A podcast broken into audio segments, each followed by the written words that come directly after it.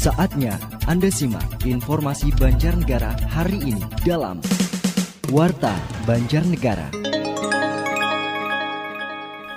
Apa kabar mitra? Inilah Radio Suara Banjarnegara kembali menghadirkan informasi aktual serta informasi penting lainnya yang terangkum dalam Warta Banjarnegara edisi hari Sabtu 25 September 2021. Informasi utama kami mengenai Komisi 3 panggil Dinas PUPR terkait ditemukannya pembangunan yang tidak sesuai spek. DPUPR minta pelaksana proyek bongkar hasil pembangunan yang tidak sesuai spek dan dibangun kembali. Berita selengkapnya disampaikan oleh Astrid Sarasvati. Warta Banjarnegara. Komisi 3 DPRD Banjarnegara akhirnya memanggil Dinas PUPR Banjarnegara untuk mengklarifikasi terkait temuannya di sejumlah titik proyek yang diduga tidak sesuai dengan spek. Seperti diketahui, Komisi 3 DPRD Banjarnegara yang diketuai Rian Aditya Wahyu menemukan sejumlah proyek pendukung infrastruktur jalan di daerah Kecamatan Madukara dan Bawang yang ditengarai tidak sesuai dengan spek. Bahkan saat sejumlah anggota dewan mengorek dengan tangan kosong, mereka terkejut karena bangunan yang sudah berumur sebulan masih lembek dan hancur saat dipukuli dengan tangan. Buruknya, hasil pembangunan tersebut diduga kualitas pasir jelek dan campuran semen yang tidak semestinya. Ketua Komisi 3 Rian Aditya Wahyu menjelaskan bahwa pihaknya memanggil Dinas PUPR untuk mengetahui detail terkait proyek infrastruktur di ruas jalan yang bermasalah sekaligus untuk mengcross-check antara temuan Komisi 3 dan DPUPR. Komisi 3 kemudian merekomendasikan agar bangunan yang tidak sesuai spek untuk dibongkar dan dilakukan pembangunan ulang. Intinya komitmen bersama antara DPUPR dan Komisi 3 DPRD Kabupaten Banjarnegara adalah untuk memperbaiki akan ya, di, diperbaiki sampai dengan batas waktu kontrak selesai. Dan manakala tidak diperbaiki, komitmen dari DPUPR akan tidak terbayar. Komitmennya tadi disampaikan Mas Sekretaris Dinas DPUPR Mas Arkom. Jadi dan berikutnya itu akan lebih intensif terkait dengan pengawasan yang ada di pekerjaan-pekerjaan di Kabupaten Banjarnegara. Dalam pertemuan di ruang Badan Anggaran DPRD Banjarnegara dari Dinas PUPR, hadir Kepala Dinas PUPR Banjarnegara, Yusuf Winarso didampingi Sekretaris Dinas PUPR, Arkom Alfahmi, Kepala Bidang Bina Marga Hermawan Tutut, dan tiga kasih di DPUPR, yakni Suseno, Caturlut, dan Sigit Prabowo. Warta Banjarnegara. Mitra menanggapi temuan dari Komisi 3 DPRD Banjarnegara terkait adanya bangunan talut yang dinilai tidak sesuai dengan spesifikasi sehingga mudah ambrol saat dipukul dengan tangan yang kemudian menjadi viral. Sekretaris Dinas Pekerjaan Umum Arkom Alfahmi mengakui memang ada sejumlah titik pekerjaan yang tidak sesuai spek dan DPUPR meminta rekanan secepatnya membongkar dan membangun ulang pekerjaan yang bermasalah. Pihaknya juga mengaku telah memanggil pelaksana proyek untuk segera membongkar bangunan yang dinilainya tidak sesuai spek dan membangunnya kembali dengan spesifikasi yang telah ditentukan. Pihaknya juga mengancam kepada pihak pelaksana proyek dengan tidak akan melakukan pembayaran jika masih ditemukan hasil pembangunan yang tidak memenuhi spesifikasi. Uh, pada intinya kami sepakat uh, apa yang disampaikan oleh Komisi 3 bahwa kegiatan yang rusak adalah benar-benar rusak dan kami tetap berkomitmen uh, kami akan melakukan koreksi dan evaluasi bagi kami dinas kami untuk perbaikan-perbaikan uh, selanjutnya.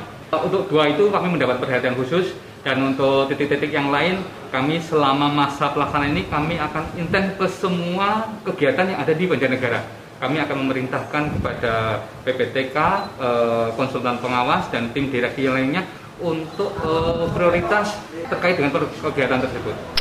Ketua Komisi 3 DPRD Banjarnegara, Rian Aditya Wahyu didampingi anggota yang lain menyampaikan, tujuan Dewan melakukan pemanggilan kepada pejabat dinas terkait adalah untuk kebaikan masyarakat Banjarnegara. Pihaknya berharap hasil pembangunan yang diberikan kepada masyarakat adalah yang terbaik. Warta Banjarnegara.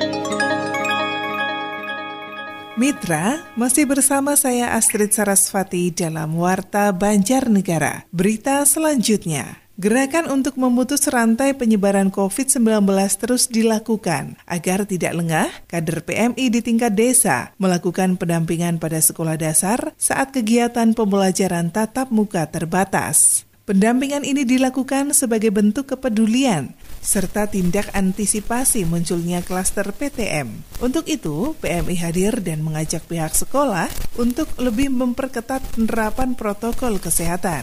Tidak hanya itu, hal yang lebih penting adalah penerapan dan kebiasaan masyarakat dalam menjalani pola hidup bersih dan sehat. Hal yang paling mendasar adalah memberikan pemahaman pada peserta didik, khususnya sekolah dasar, sehingga mereka bisa menjadi pelopor dalam penerapan hidup bersih dan sehat pada lingkungan keluarga. Relawan PMI Desa Lawen, Kecamatan Pandan Arum, Ade Beni Araneta mengatakan, masuknya PMI pada sekolah sengaja dilakukan untuk menyasar peserta didik, baik tingkat SD dan SMP yang berada di wilayahnya. Menurutnya, beberapa sekolah yang menjadi sasaran sosialisasi adalah SD Negeri 1, 2, dan 3 Lawen, SMP Negeri 2 dan 3 Sata Pandan Arum, serta SD Negeri 2 Pinggit Lor. Dalam kesempatan tersebut juga dilakukan kegiatan penyemprotan desinfektan untuk menggunakan bahan ekoenzim ramah lingkungan di seluruh sekolah dan beberapa fasilitas umum seperti pasar lawen, masjid, musola, dan balai desa.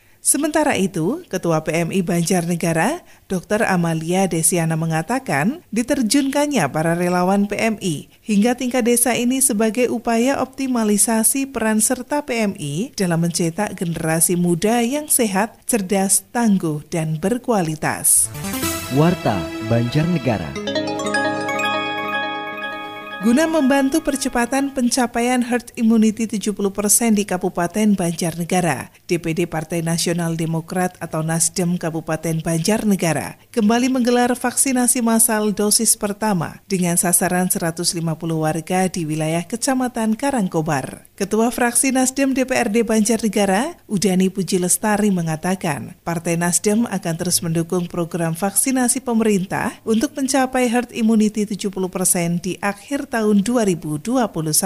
Apalagi di Banjarnegara, hingga saat ini rasio masyarakat yang sudah mendapatkan vaksinasi baru sekitar 30 persen. Karena itu, bekerja sama dengan Dinas Kesehatan setempat, pihaknya melaksanakan kegiatan vaksinasi massal dosis pertama untuk kedua kalinya di wilayah Banjarnegara. Meski vaksinasi tidak menjamin tidak akan terpapar COVID-19, karena itu pihaknya menghimbau masyarakat untuk tetap disiplin protokol kesehatan.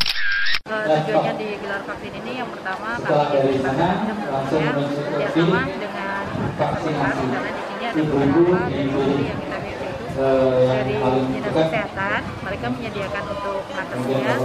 terus juga ada juga pendapatan COVID yang tentunya karena di kegiatan jadi kita juga koordinasi. Nah, mudah-mudahan dengan adanya vaksin ini uh, bisa untuk salah satu mengantisipasi biar uh, tidak terkena penyakit COVID. Walaupun sasarannya. Yang pertama tentunya kita dari kader vaksinasi. sendiri itu dari DPC serta dari DPC dan sisanya umum.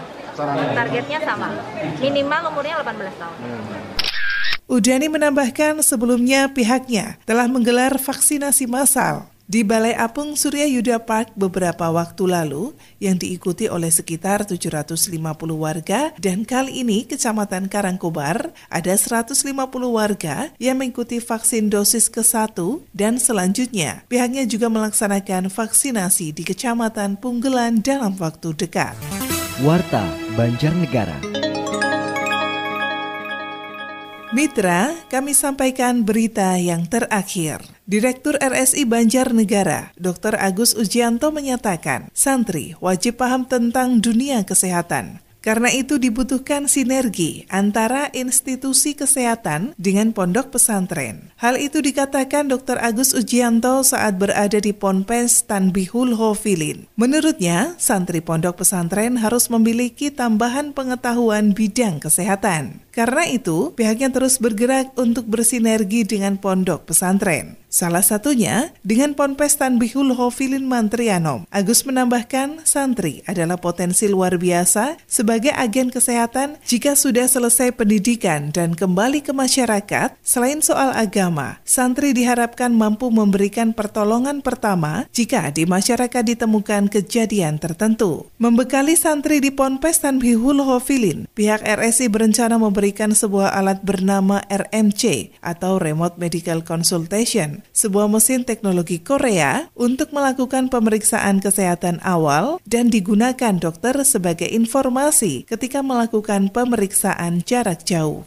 Pengasuh Ponpes Tanbihul Hofilin, Kiai Haji M. Hamzah Hasan mengatakan, Pihaknya selalu mengutamakan kesehatan santri, salah satunya dengan cara membentuk pos kesehatan pesantren di pondoknya, di mana di dalamnya terdapat tenaga medis profesional. Terkait dengan rencana RSI memberikan alat RMC, pihaknya sangat menyambut dengan baik, karena dengan alat tersebut dapat mengontrol kesehatan santri. Selain itu, ke depan para santri mampu membagikan informasi di tengah masyarakat. Warta Banjarnegara. Demikian mitra, Warta Banjarnegara kali ini. Akhirnya, mewakili kerabat kerja yang bertugas, saya, Astrid Sarasvati, mengucapkan terima kasih atas kebersamaannya dan sampai jumpa.